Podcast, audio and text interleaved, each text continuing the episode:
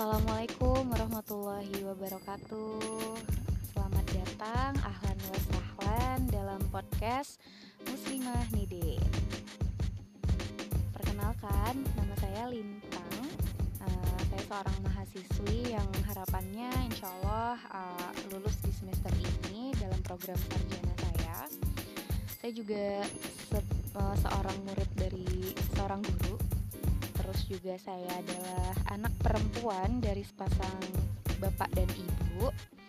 Dan uh, peran terbesar yang hari ini sedang saya jalani adalah sebagai seorang hambanya Allah. Dan ini adalah peran terlama bahkan peran yang gak bisa lepas dari kita. Dan Bismillah semoga uh, aku saya dan teman-teman pendengar semua selalu ingat Oke, okay, uh, eh, pada podcast perdana ini saya bakal cerita uh, sedikit panjang tentang mengapa akhirnya saya merasa perlu untuk bikin podcast Muslimah Nidit. Ya, yang artinya harapannya juga sih podcast ini bakal dibutuhkan oleh Muslimah. Karena apa? Karena yang pertama, saya melihat bahwa hari ini frame mengenai pemberdayaan perempuan makin macam-macam dan ternyata uh, walaupun macam-macam frame-nya itu dikuasai oleh frame material oriented. Nah, ini yang saya temukan sebagai contoh.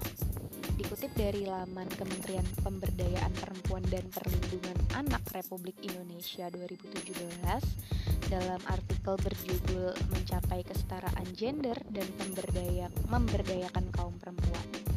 Di situ tertulis bahwa kesetaraan gender akan memperkuat kemampuan negara untuk berkembang, mengurangi kemiskinan, dan memerintah secara efektif. Dengan demikian, mempromosikan kesetaraan gender adalah bagian utama dari strategi pembangunan dalam rangka memberdayakan masyarakat, baik laki-laki maupun perempuan, untuk mengentaskan diri dari kemiskinan dan meningkatkan taraf hidup mereka. Yang kedua, saya temukan juga kutipan dari sebuah buku yang lumayan berpengaruh karena buku ini banyak sekali disadur di artikel-artikel online maupun jurnal-jurnal uh, akademik. Bukunya itu berjudul Gender dan Administrasi Publik tentang kualitas kesetaraan gender dan administrasi publik Indonesia pasca reformasi 1998 sampai 2002. Penerbitnya Pustaka Pelajar. Dicantumkan dalam buku ini pada poin ketiga dari tujuan pemberdayaan perempuan adalah meningkatkan kemampuan kaum perempuan dalam mengelola usaha skala rumah tangga, industri kecil, maupun industri besar untuk menunjang peningkatan kebutuhan rumah tangga maupun untuk membuka peluang kerja produktif dan mandiri. Oke, dari dua kutipan ini yang saya tangkap main main idea dari narasi pemberdayaan perempuan sehingga tercapai kesetaraan gender ini adalah menjadikan perempuan itu mandiri finansial bahkan didorong untuk menjadi penghasil uang. Artinya perempuan bukan lagi dikasih pilihan dia itu akan menjadi uh, orang yang mandiri finansial atau artinya ya uh, wanita karir tapi ya didorong sampai-sampai nih akhirnya muncul stereotip di tengah-tengah masyarakat bahwa perempuan juga harus bisa cari uang. Nah, dari sini saya ngerasa ya, kok sepertinya salah kalau muslimah tuh terlalu banyak mengonsumsi frame informasi yang materialistik begini. Apalagi muslimahnya makanya saya ngerasa bahwa e, informasi seperti ini harus diimbangi bahkan kalau bisa dikalahkan dosisnya dengan frame yang islami nah, sebenarnya kalau misalkan ngomongin mengenai pemberdayaan perempuan nih e, apalagi mengenai ekonomi Islam itu tetap memperbolehkan setiap manusia termasuk perempuan memiliki kekayaan materi tapi Islam tidak menjadikannya sebagai orientasi.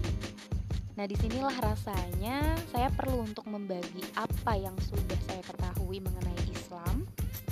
Yang kita tahu Islam itu adalah uh, ajaran yang sangat komprehensif dan sempurna sehingga banyak juga ya yang ngomong bahwa Islam itu adalah agama ideologis. Dan saya rasa ini benar adanya. Gitu. Dan karena hal ini benar, saya berharap supaya lebih banyak kaum muslim dan muslimah yang mendengar hal ini supaya terbuka pemikirannya bukan hanya kepada pemikiran-pemikiran di luar pemikiran Islam aja tapi pemikiran mengenai jati diri kita yaitu pemikiran Islam juga harus kita terima dong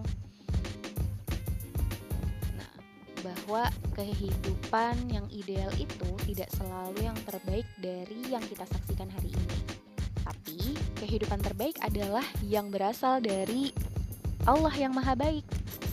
Apa yang kita saksikan hari ini bahkan bisa jadi sangat jauh lebih rendah dibandingkan dengan kehidupan yang diatur oleh Islam. Insya Allah dalam podcast nanti saya mungkin akan menggambarkan ya bagaimana contoh kehidupan yang diatur oleh Islam atau bisa dibilang bagaimana contoh sistem kehidupan yang berlandaskan akidah Islam di mana tidak akan kita temui pertentangan antara akal, moral, dan fitrahnya manusia. Pokoknya masya Allah banget deh. Itu alasan pertama. Alasan kedua, kenapa saya ngerasa akhirnya perlu untuk bikin podcast adalah karena pengaruh banyaknya dosis pemberdayaan perempuan tadi yang frame-nya material oriented, saya juga menemui nih muslimah yang self defense-nya kurang tepat. Justru malah mengecilkan peran muslimah kesannya. Contoh-contoh narasinya kayak begini. Jadi ibu rumah tangga itu adalah peran paling mulianya muslimah loh.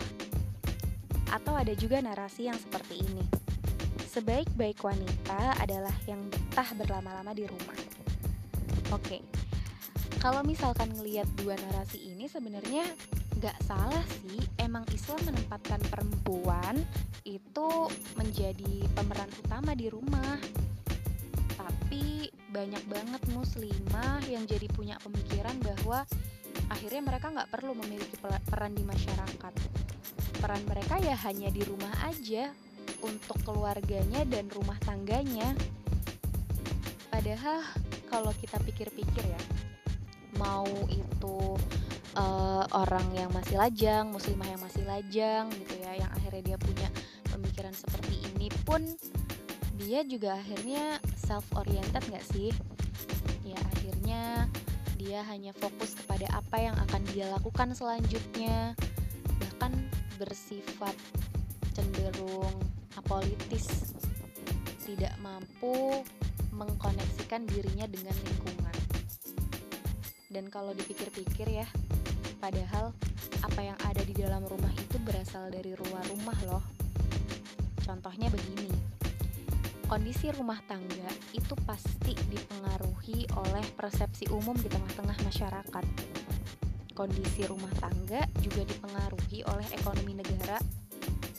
Kondisi rumah tangga dan keluarga itu juga dipengaruhi sama lingkungan pergaulan anggota keluarganya dan banyak hal lain dari eksternal yang sangat mempengaruhi kondisi rumah tangga dan keluarga seseorang.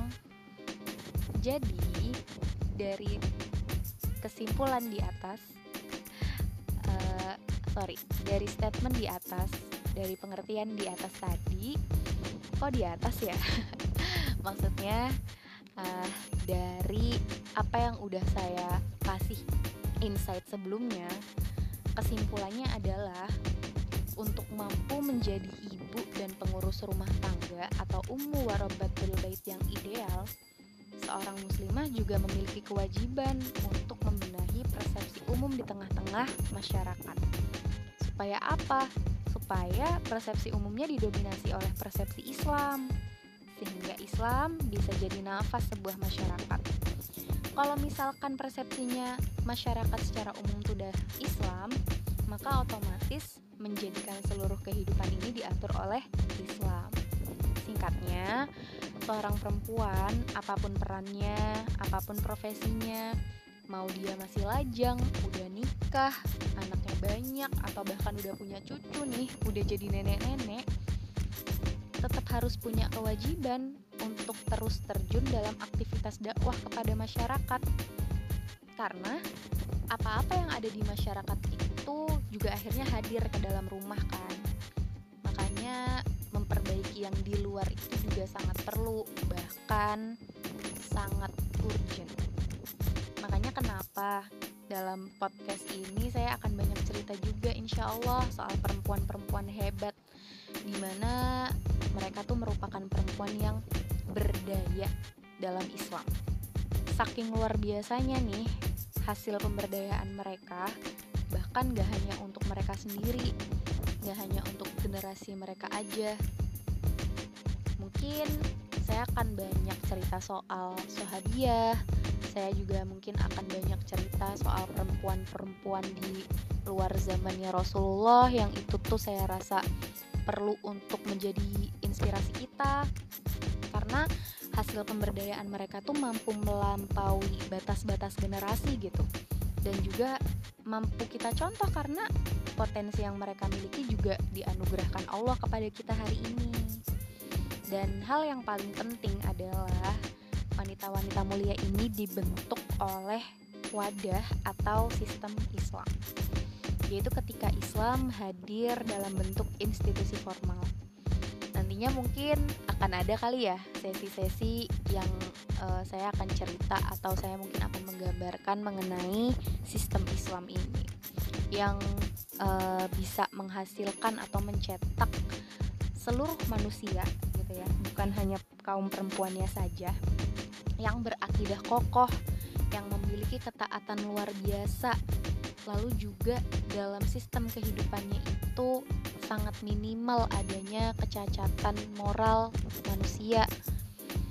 Lalu juga akan mencetak kepribadian muslim dan muslimah bahkan orang-orang yang bermoral dan hal-hal itu diwujudkan dalam amalan dan karya yang hari ini mungkin masih bisa kita lihat, masih bisa kita indra. Makanya kenapa tadi saya bilang karya yang lahir dari era di mana Islam itu menjadi peradaban yang adidaya itu bahkan mampu menembus batas ruang dan waktu. Timeless.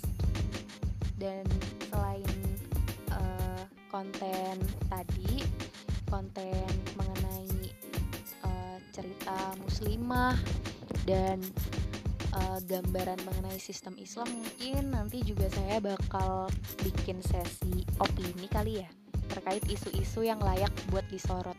Ya terkait hmm, meningkatkan peran perempuan di tengah-tengah masyarakat gitu maksudnya. Mungkin kalau teman-teman pernah nonton YouTube-nya Fatia Izati ini kayak ala-ala weekly leaks-nya Fatia Izati atau misal juga teman-teman lebih familiar sama Gita Savitri Devi bisa juga kontennya bakal seperti sesi beropini di YouTube-nya. Tapi kalau podcast ini nanti bagusnya namanya apa ya? Karena saya nggak bisa dong ya ikut-ikutan mereka walaupun konsepnya sama. Cuman saya akan ambil kacamata yang berbeda dengan mereka.